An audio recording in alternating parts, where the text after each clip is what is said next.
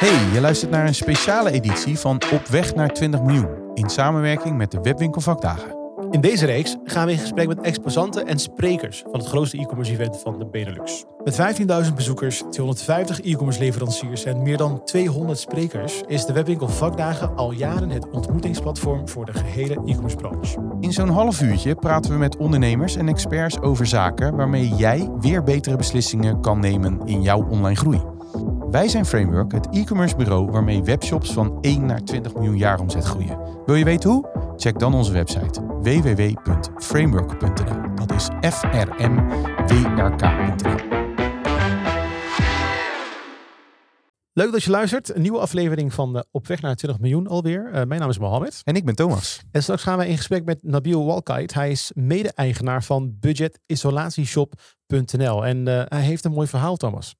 Ja, we gaan uh, in deze podcast uh, praten met uh, Nabil over het in en aan een bedrijf werken waarbij hij van 5 naar 10 miljoen is gegroeid in drie jaar tijd. In drie jaar tijd. En dat zijn natuurlijk klinkende cijfers.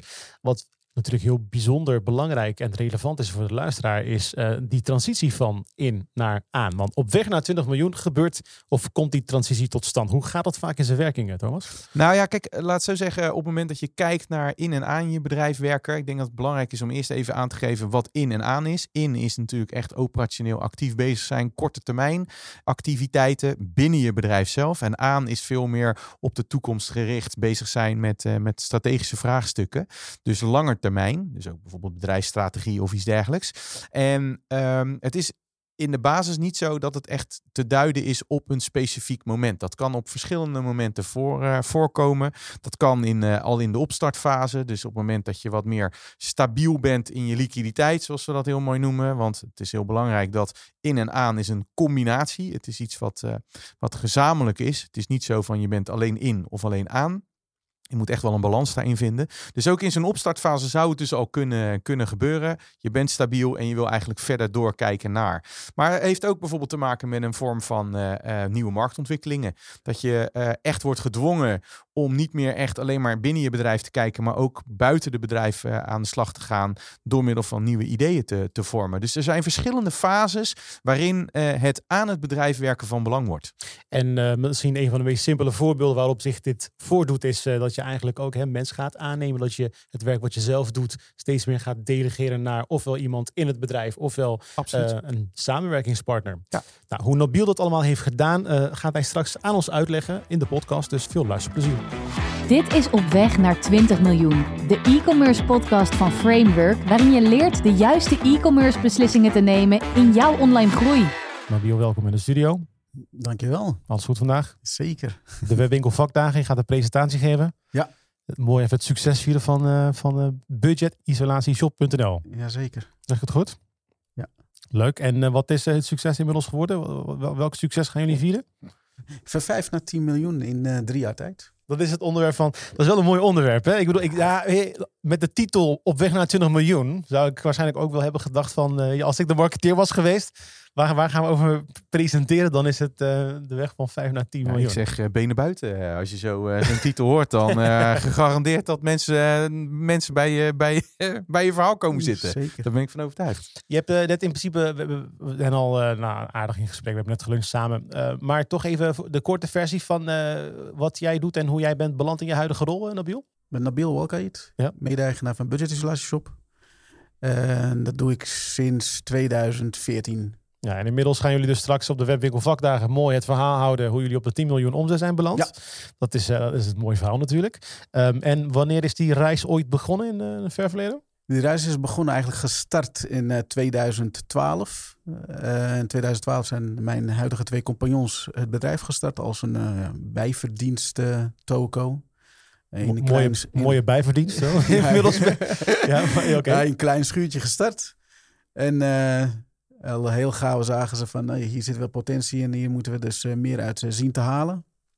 ik was heel goed bevriend, of ik ben heel goed bevriend met een van de compagnons. En die vroeg mij destijds van, joh, kun je ons even helpen met een websiteje?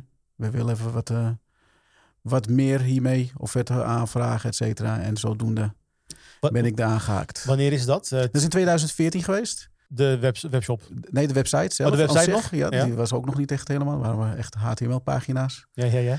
En in 2016 heb ik de stoute schoenen aangetrokken en heb ik een, een webshop laten oprichten. Nou, dat is een goede keuze geweest. Ja, zeker. dat was eigenlijk onze e-commerce avontuur. ja, ja, is toegestart. Wat, wat, we vandaag in principe gaan doen is uh, eigenlijk, je hebt gewoon een heel mooi verhaal van die 0 tot uh, die 10 miljoen uh, omzet. En we gaan eigenlijk dat in twee delen opsplitsen. Los van per se de omzetten of de groei gaan we het hebben over één, werken in je bedrijf en ja. werken aan je bedrijf. Want Thomas, dit is de podcast op weg naar 20 miljoen, waarin ondernemers leren en e-commerce managers en e-commerce specialisten, e-commerce professionals leren hoe ze betere beslissingen kunnen maken in hun online groei. En ergens komen ze voor de beslissing of de verandering wellicht, waar, waarin ze niet meer werken in hun bedrijf, maar aan hun bedrijf. Misschien om die context te schetsen en wat dat precies betekent, het woord aan jou. Wat, wat betekent het om aan je bedrijf te werken?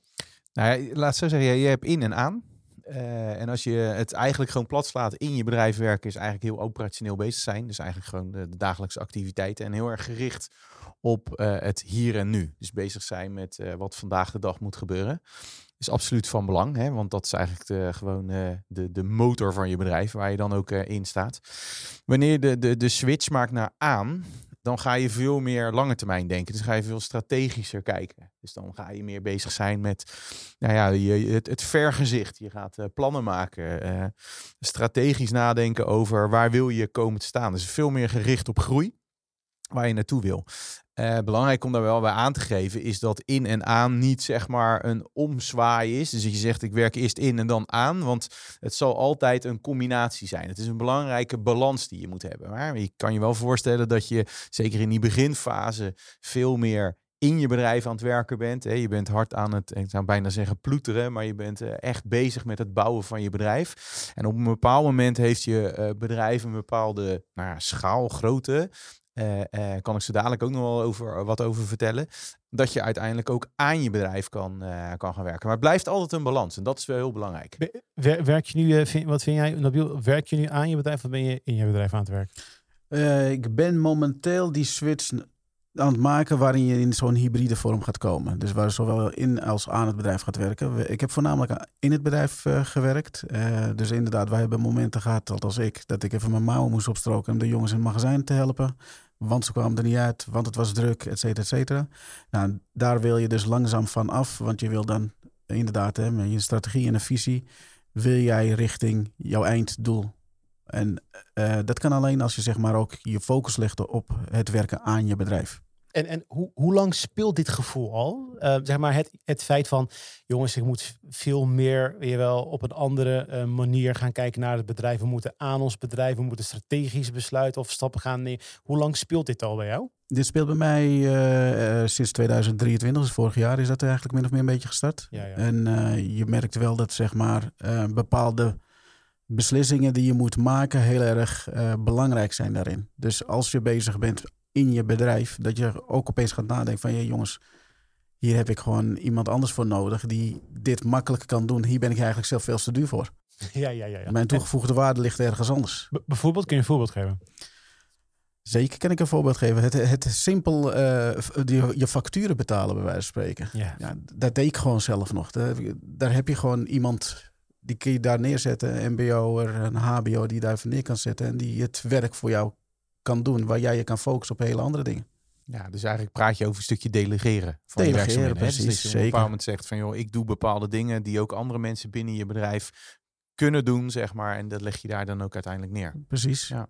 En kun je misschien ook ons meenemen in wat, wat is de situatie voor jou? En misschien is daar een stukje herkenbaarheid voor de luisteraar. Daarom vraag ik het.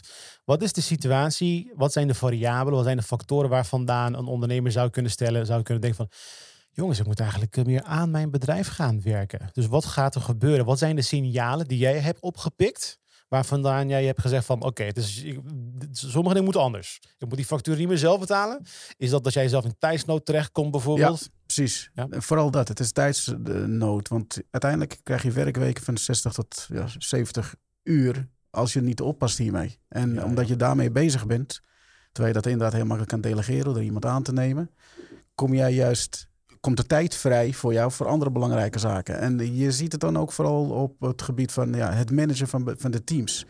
Nou, je bent dan vooral bezig met de teams. Hè, zorgen dat ze uh, alles kunnen doen wat ze moeten doen om uh, de, de, de leveringen te kunnen doen bij de klanten. Maar dan denk je van, oké, maar wacht eens even. Als ik hier nou een manager op had gezet, dan had het ook wel gekund. Dan hoef ik me daar niet mee bezig te houden en heb ik weer 15 uurtjes vrij. Het is, echt, het is vooral time management, bij wijze van spreken, maar dan op de juiste manier inregelen. En ja, ja, komt, komt het ook een beetje voort uit uh, je uiteindelijke ambitie? Dus ik kan me voorstellen dat je als organisatie ook een bepaalde ambitie voor jezelf definieert. En je zegt van oké, ik wil binnen, hè, je hebt nu, uh, je gaf net aan van, uh, van 5 naar 10 miljoen in drie jaar tijd, zeg maar. Nou, dat is natuurlijk echt zijn mooie klinkende cijfers. Ik kan me voorstellen dat je nu zegt, nou, je zit nu op die, op die omzet. En wellicht dat je zegt, de komende drie jaar moeten we wederom verdubbelen. Hè? Dus dat je misschien ja. naar 20 miljoen wil. Dat ook vanuit een bepaalde ambitie, een bepaalde groeigedachte, dat je zegt van als we dat willen gaan bereiken, ja, dan hebben we gewoon, uh, dan, dan hebben we iemand nodig die veel meer bezig is met de toekomst uh, in plaats van het werkelijk uh, in de organisatie zelf werken. Klopt, want je komt op een bepaald moment in een fase waarin je eigenlijk min of meer een beetje aan het stagneren bent als je niet oppast. En wij hebben als doel gezegd van weet je wat, wij willen in ieder geval een van de marktleiders zijn op het gebied van verduurzamen van Nederland. Dat doen we dan in dit geval door het aanbieden van isolatiemateriaal. En daar zit je dan uh, op bepaalde punten waarvan je zoiets hebt van... oké, om dat te realiseren moet ik dus andere keuzes gaan maken. Ja. En dan ga je het met je compagnons over hebben tijdens zo'n heidag of uh, tijdens je, je, maandelijkse meetings. Het belangrijkste is dat je allemaal op één lijn zit. Willen we dit alle drie? Ja, willen we dit alle drie? Mooi. Nou, hoe zorgen we dat het de rest van het bedrijf daar ook in meegenomen wordt? Nou, dat zijn dus zaken waar je helemaal niet bij stilstaat. Je kunt het erover hebben, maar als er geen actie uit voortvloeit, kom je nergens. Nee. Dus je moet jezelf dan zien vrij te maken. Ja. Dus doordat wij een beetje een stip op de horizon hebben gezet, nou, we willen inderdaad verdubbelen. We denken dat het potentieel er absoluut is om binnen drie jaar naar die 20 miljoen te gaan. Ja, juist. En, en daar, daar misschien ook wel um, de volgende vraag. Hè. Vanaf hoeveel ruimte, zeg maar budgetair gezien wellicht, Um, van hoeveel ruimte ben jij, uh, zou iemand dus over moeten gaan op, weet je wel, uitbesteden? Dus stel bijvoorbeeld, je hebt uh, een winstmarge van uh, x procent. Is dat dan al voldoende om direct, weet wel, uit te breiden, om te groeien, om te investeren in organisatie, in management? Of is dat juist een voorinvestering? Dus hoe zou je dat moeten aanvliegen? En hoe hebben jullie dat in het bijzonder gedaan? Is dat echt zeg maar bij de eerste mogelijkheid direct investeren in uitbreiding van bijvoorbeeld hè, uh, organisatiemensen? Of uh, is dat zeg maar wat later gekomen waarbij je dus echt wel wat ademruimte hebt gehad en daarna pas zo'n stap hebt gezet? Nou, je zit inderdaad, wij hebben pas die stap gezet nadat je wat ruimte hebt financieel gezien. Want voor ons is het best wel belangrijk dat je natuurlijk ook ja, liquide bent. Hè? Je moet wel het geld in, in kas hebben om je aankopen te kunnen blijven doen. Uh, want het blijft niet maar binnenkomen, bij wijze van spreken. Hè? Je hebt natuurlijk ook je schulden bij de leveranciers. Je hebt nog openstaande schulden ja. bij de debiteuren.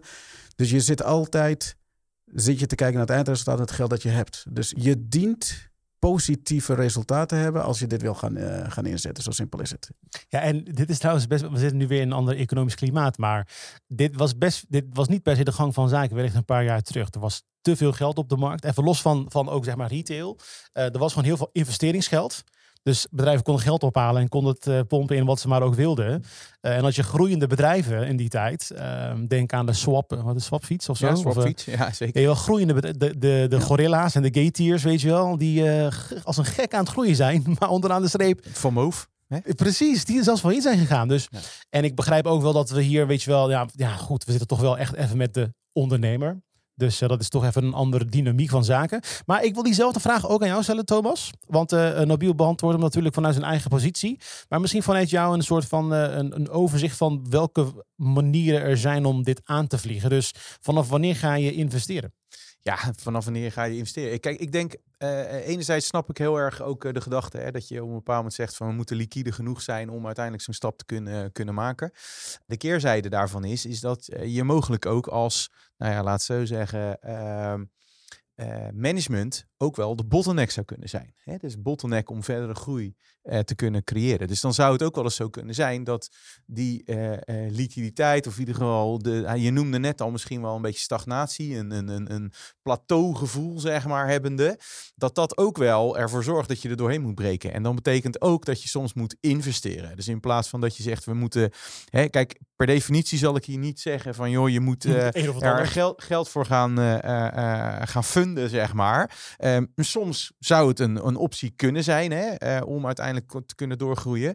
Maar het is helemaal niet gek op het moment dat je toch het gevoel hebt dat je niet verder komt want er zijn verschillende fases. Ik heb, ik heb er een aantal genoteerd waarop je dus uiteindelijk van in naar aan je bedrijf. En het grappige is dat dat. Ik dacht in eerste instantie ook, toen ik daar wat onderzoek naar deed, van wanneer, uh, wanneer doe je nou zoiets? Dan zou ik heel snel denken, als je dus inderdaad uh, aan het, uh, puur alleen maar aan het groeien bent en een bepaalde omvang hebt, zeg maar. Maar er zijn gewoon veel, veel meer fases waarin je zou kunnen gaan nadenken over aan je bedrijf werken. Zelfs tijdens een opstartfase op het moment dat jij een soort van stabiliteit hebt gecreëerd voor jezelf en het is je, je cashflow is stabiel, dan wil je eigenlijk naar de toekomst gaan kijken. Dan wil je eigenlijk gaan zeggen van oké, we willen verder gaan groeien en gaan schalen. En dan wordt ook, dan wordt die toekomstvisie weer heel erg belangrijk. Hè? Uh, ik noemde net een plateau. Dus op het moment dat je toch ergens vast zit, dan op dat moment is het goed om verder te kijken, uh, uh, om te kijken van waar ligt dat nou aan en moet ik de toekomst daar niet in. Maar ook veranderende marktomstandigheden kunnen ook ertoe leiden dat je weer vooruit moet gaan kijken. Dat je jezelf opnieuw moet gaan, uh, gaan, uh, gaan uitvinden. En uiteindelijk is, uh, ja, de, de, denk ik, de meest voor de hand liggende is op het moment dat je schaal, hè, dus je wil gaan schalen, schaalvergroting wil gaan doen. Ja, dan is natuurlijk een visie op de toekomst van waar wil je naartoe. En daar zit natuurlijk ook een stukje jullie vraagstuk van onze ambities om marktleider te worden op het gebied van, van verduurzaming van, van Nederland vanuit de isolatiemateriaal. Uh, is dat een hele mooie ambitie om te zeggen, ja, dan moet die schaal vergroot worden. En dan hebben we enerzijds andere, misschien andere mensen nodig intern om dat te regelen. En tegelijkertijd mensen nodig die nadenken over waar gaan we dan naar de toekomst naartoe. Dus je ziet eigenlijk dat er niet één specifiek moment is. Uh, uh, waarop je dus ja, van in naar aan je bedrijf kan, uh, kan gaan werken. Dus er zijn verschillende momenten denkbaar waarin je dit, dit kan, kan hebben. Wat ook wel mooi is van wat jij nu aangeeft is, in mijn vraagstelling ging het voornamelijk over hoe gaat het eraan toe binnen je bedrijf. Ja. Maar je geeft ook heel duidelijk aan van het gaat ook om natuurlijk om marktomstandigheden. Zeker. Als jij ziet dat een bepaalde markt natuurlijk helemaal in, in, in, in een stijgende trend is, ja, dan ga je natuurlijk meer risico nemen om daarin in mee te kunnen gaan. Ja. Um, jij noemde net, Nobiel, verduurzaming. Uh, van, uh, hè, we willen een steentje bijdragen in de verduurzaming van, van Nederland. Sinds hoe lang roepen jullie dat al? Of is, is, is dat inmiddels de missie geworden van het bedrijf? En uh, hoeveel tijd heeft het gekost voor jullie om um, um, zeg maar tot die missie of tot die uiting te komen? Of was dat vanaf het begin al zo? Uh, maar uh, nee, het was zeker niet vanaf het begin zo. Kijk, we wilden natuurlijk wat bijverdienen en that's it. Na een tijdje wanneer je groeit, en dan ga je zien dat je ook een bepaalde sociale ja, impact hebt, uh, om het maar even te noemen. En je ziet ook dat het de afgelopen ja, drie, vier, misschien zelfs vijf jaar een hot item is in Nederland. En dat ook de overheid zich natuurlijk een beetje bemoeit met subsidies, met regels, ja. et cetera. Dus we merken, wij hebben intern uh, in 2019 gewoon ergens, als ik het goed heb, of misschien 2018, echt gezegd van jongens, dit is wel iets wat wij, wat we serieus aan het oppakken zijn nu. En hier een, uh, een aandeel in willen leveren. Ja, en daar vandaan dus uiteindelijk zo. En dat is ook wel een mooie ontwikkeling. Dat zie je ook vaak vanaf hè, wanneer mensen van in naar aan gaan. Zeg ik dat goed? Ja. Dan wordt er ook nagedacht inderdaad van wat zijn nou onze kernwaarden? Wat is nou onze differentiatie? Waarom zijn wij nou wat is ons bestaansrecht, bestaansreden in de markt. Maar het is dus mooi dat je dat ook voorbij laat komen, dat jullie aangeven verduurzaming van, van, van Nederland. Um, mijn vervolgvraag daarin, die ben ik even kwijt. Ik heb nog wel een vraag, uh, zeg maar. Zeker als we kijken naar die uh, 5 naar 10 miljoen, hè, daar, daar hebben we het over. Ook uh, in de zin van de drie jaar. Ik plot eventjes die drie jaar dan even in, in gedachten. Zie daar enerzijds een stukje corona in zitten.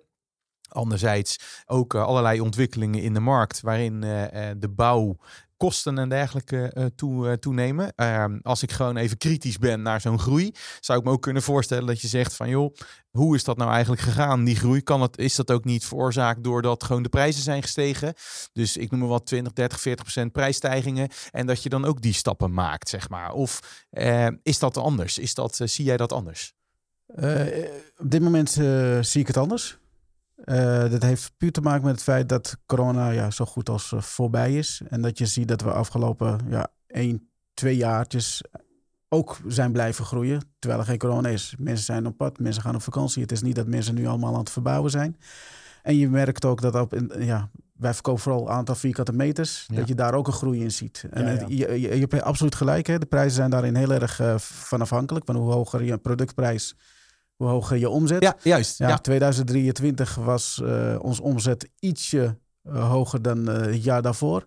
Maar tegen veel lagere productprijzen. Dat betekent dus dat we ook veel volumematig meer, gewoon meer we hebben veel meer volume gemaakt. Juist. Hey, en als je dan als je dan kijkt, kan, je het ook dan enerzijds ook pinpointen waar het nou met name door gekomen is. Want ik denk ook dat die luisteraar, als je denkt van oké, okay, Zeker. tijd hebben we hem verdubbeld.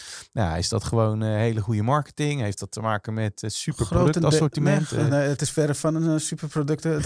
Isolatiemateriaal is niet sexy. Nee, dus, nee. maar vooral marketing. We zijn in zee gegaan met een marketingbureau, Alona Marketing. En die heeft ons zeg maar hierin meegenomen. Dus we hebben jaarlijks hebben een, een, roadmap, een roadmap en daarin gaan we samen zeg maar, kijken, oké, wat gaan we nu doen? Wat willen we? Wat uh, willen we bereiken? En daarin zijn we samen zeg maar, uh, een weg ingeslagen die ook hiertoe heeft geleid. Uh, geleid. Juist. En, en, en, en waar, waar zit dat dan op gebied van marketing? Uh, we, we, kennen, uh, nou ja, zeg maar vanuit de zoekmachine in de zin van goed gevonden worden in de zoekmachine zelf, organisch, Precies. betaald gevonden worden of eventueel sociale, sociaal, social media. Nou, we, kan me voorstellen dat we dat zaten iets minder hier is. Voor maar... inderdaad in de Google-campagnes zaten we, maar we hebben samen met het marketingbureau echt dit veel uitgebreid. Dus we zijn organisch aan de slag gegaan. We hebben social media erbij We zijn nieuwsbrieven gestart. Dus ook e-mail marketing. Dus uh, een palet aan mogelijkheden die we samen hebben uh, uitgebouwd. Ja, ja, dus echt een, je hebt eigenlijk een soort uh, de full Monty ingezet om ja. ervoor te zorgen dat. en als je dan nu kijkt naar waar komt dan met name zeg maar die groei vandaan, is dat dan ook nog eens pinpointen in welk kanaal dus? Uh, dan moet je zeggen dat de organische vindbaarheid afgelopen twee jaar enorm is gestegen. Ja. Dat is gewoon puur op, uh, doordat Alona aan de slag is gegaan met uh, teksten, met blogs, uh, et cetera. Wat daar allemaal erbij hoort. Ja. En verder ook inderdaad de Google, Google campagnes. Want het is, het, een concurrentie is moordend wat dat betreft. Ja. Dus je moet daar telkens zodanig in zien te ja, te fine-tunen dat je daar de juiste ja. mensen kan bereiken. Ja, want als jij zegt over een, eh, een moordende eh, concurrentie, kan ik me ook voorstellen dat dus de tarieven van uiteindelijk advertising, dus uh, op zoekwoorden adverteren, natuurlijk ook in de afgelopen drie jaar enorm zijn toegenomen. Al de niet waren al heel zeker, kostbaar. Zeker, Kijk, we, we, we hadden ergens volgens mij in 2014, 2015 betaalden we misschien 49, 45 cent voor een woordje. Ja, nou, dat is al lang niet meer. Dat is misschien 5 euro, 6 euro geworden, waardoor je inderdaad jouw conversie. Uh, en hoe hou je die acquisitiekosten dan toch nog in de hand, zeg maar, als je dan zo hard groeit? Nou, ik heb uh, wekelijks uh, zitten we in een call. Dan nemen we gewoon letterlijk alles door. Wat hebben we vorige week uitgegeven? Wat is de conversiewaarde geweest? Wat heeft het dus opgeleverd? En wat is de CTR-waarde? En zo lopen we dus zeg maar alles door elkaar. Gewoon echt de wekelijkse calls die ik heb met een marketingbureau, is echt heel belangrijk. Ja, die zit je gewoon echt bovenop om ervoor te zorgen dat uh, iedere euro goed besteed wordt. Precies, zonder die data kun je ook niet sturen. En je moet natuurlijk ook een marketingbureau hierin sturen. Ja. Ik, ik, ik, ben wel, want die geeft aan, hè, een stukje marketing is zeg maar een belangrijke drijfveer geweest. Um, stel dat daar lessen uit willen halen voor ook de luisteraar. Je geeft bijvoorbeeld al aan een wekelijkse call. Wat zijn in het bijzonder dingen die jij heel uh, uh, effectief vindt binnen de samenwerking met, uh, met je marketingbureau. de wekelijkse call zou er een van kunnen zijn. waarvan, waarvan je denkt, joh, als mensen dit doen, dat, is, dat zou echt ten goede komen voor, voor hun samenwerking. Dat moeten ze absoluut gaan doen. En wat ik voornamelijk heel erg belangrijk vind met eh, de samenwerking met, met marketingbureaus, is dat zij zich ook echt hebben ingelezen in het product die wij mm. verkopen. Dus hoe meer kennis zij van het product hebben, hoe meer ze het weten waar ze het over hebben. Waar ze, welke hoek ze op moeten, welke keuzes ze moeten maken daarin. En um, ja, ik vind dat toch wel een hele belangrijke. Want als je het niet weet waar je het over hebt en je, je hebt het maar over ja, uh, een product die ik moet verkopen en gooi er maar geld tegenaan. Dat kan zo uh, verkeerd aflopen. Wat, wat, wat ik laat zo zeggen, hè, je zit op, een, op een bepaald moment zit je, nou, je zit echt op een substantieel volume inmiddels, hè, met, ja. uh, met 10 miljoen. Uh, mooie organisatie. Uh, we praten over in naar aan, zeg maar. Ik kan me ook heel goed voorstellen dat je langzaamaan ook aan het nadenken bent om bepaalde activiteiten ook weer te insourcen op het gebied van marketing. Dat zien wij nog wel eens gebeuren. Zeker als, als klanten een bepaalde groei doorlopen hebben en zeggen van oké, nou bepaalde activiteiten, ja, die leggen we echt bij de specialist neer. Dus bij het marketingbureau of bij het developmentbureau. Maar nu kom ik op een, eh, op een nou ja, zeg maar, in een fase, in een vaarwater, waarvan ik zeg, dat wil ik zelf doen. Ook met name omdat jij net zegt van het zijn mensen die natuurlijk ons product en, en product know-how moeten hebben. Is dat ook iets waar jullie over aan het nadenken zijn? Uh, nou, wij hebben het uh, toevallig twee weken geleden onderling even over gehad. En daarin hebben we eigenlijk besloten van, joh, uh, alles rondom marketing is op dit moment voor ons gewoon niet te doen. De, we hebben een goede samenwerking met het marketingbureau zelf. qua kosten komen we er ook uit, bij wijze van spreken. Ja. En vind de mensen maar eens. Ja. Die en de kennis in huis hebben en een marketing trucje in, in de vingers hebben. Ja, juist. En dat is zo moeilijk. Dan heb ik het nog liever dat ik me focus op de overige uh, teams, bij wijze van spreken. De overige processen die we nog intern hebben, om die verder te fine-tunen. Denk aan de juiste mensen voor magazijn. Denk aan de juiste mensen voor, je, voor de verkoop. Dan dat ik me ga bezig gaan met marketing, wat nu toch al goed uitbesteed ja, is. Juist. Dus eigenlijk wat je zegt van jullie hebben eigenlijk een soort van kostenbatenanalyse gemaakt. Enerzijds van zetten we het zelf in huis neer. Dan krijgen we wat, wat, uh, wat struggles op het gebied van kunnen we de juiste mensen uiteindelijk vinden. Ten opzichte van, nou ja, er is een mooie ROI op je marketing versus je kosten van je marketing. Nou, ik denk dat dat een heel, uh, heel verstandig besluit is ook uh, op, dat, op dat vlak. Zeker. Marketing is natuurlijk ook weer een heel breed begrip. Uh, we hebben het net al over een aantal zaken gehad, zoals uh, vindbaarheid op, op, op Google. Maar goed, we hebben bijvoorbeeld een aantal podcasts we met Evert Hemelaar van Scale, een e-commerce platform, wat eigenlijk, nou goed, e-commerce of e-tailers bedient die 100 miljoen plus of zo doen. En hij heeft dan bijvoorbeeld over merkdifferentiatie en hoe je dat zou kunnen realiseren. Je begint natuurlijk niet met, nou, je, je begint, het zijn twee verschillende schalen of schaalgroottes van, van marketing. Bij de ene heb je een hele uh, klantbeleving, 360 graden. Je probeert alles te doen, van personalisatie tot aan e-mail tot aan social media en noem maar op. En aan de andere kant, als je pas begint, dan probeer je gewoon je webshop gewoon goed uh, degelijk eruit te laten zien. Je probeert mensen naar je. Je gaat voornamelijk zitten op verkeer. Um, jou wil ik vragen, Nabil. Dus als je kijkt naar die afgelopen 10 miljoen omzet. Um, jullie zijn nu tot dat punt gekomen. Jullie gaan nu straks verder. Zie jij een verschil in hoe jullie marketing nu zien? Dus wat zijn nu de, uh, wat waren de belangrijkste pijlers binnen marketing voor jullie? Waar hebben jullie voornamelijk op gefocust? Waar hebben jullie voornamelijk de groei uit gerealiseerd? En wat denk je dat straks um, het grote, uh, waar, waar straks de focus naartoe gaat in het kader van marketing? We hebben ons afgelopen drie jaar voornamelijk gefocust op zoveel mogelijk verkeer naar binnen halen. Dus uh, probeer de juiste mensen te targeten die bezig zijn met het, uh, met het verbouwen van hun huis. Uh, of die plannen hebben om een huis te kopen of wat dan ook. Maar daar zat onze focus volledig op. Dus gewoon zoveel mogelijk mensen naar je toe trekken.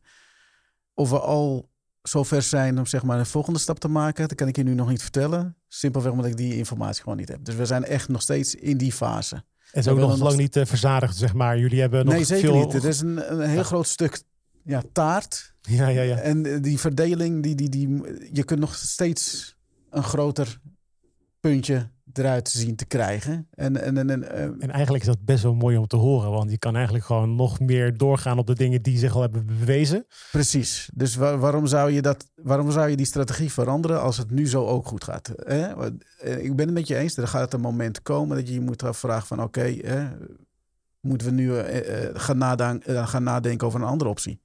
Of een andere mogelijkheid om, om klanten binnen te halen. Ja, ja, precies. Dus uh, later komt misschien uh, het vraagstuk over wat gaan we doen met conversie of wat gaan we doen met klantretentie en uh, campagnes en andere zaken, loyaliteit.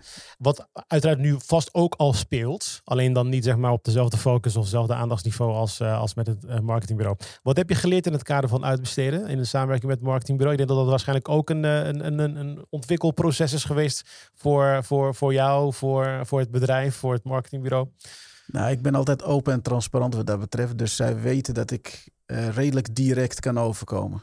Dus als er. Uh, onze samenwerking is echt super. Ik denk dat het wederzijds is, omdat ik geen blad voor de mond neem. Dus als ik bijvoorbeeld vind dat ze te veel hebben gespendeerd en ik niks voor heb teruggekregen, dan accepteren ze dat in die zin van: oké, dan gaan ze ook op zoek naar redenen om dat of te ontkrachten of om juist te zeggen van ja, dat klopt.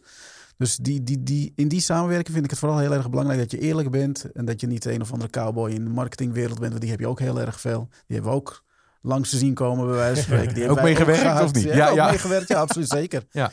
Maar ik vind dit wel echt een ultieme maar combinatie. geef eens even het contrast met die, met die cowboy. Wat, wat gebeurt er dan? Die cowboy komt langs en die presenteert dan plannen. En wat, wat gebeurt er dan?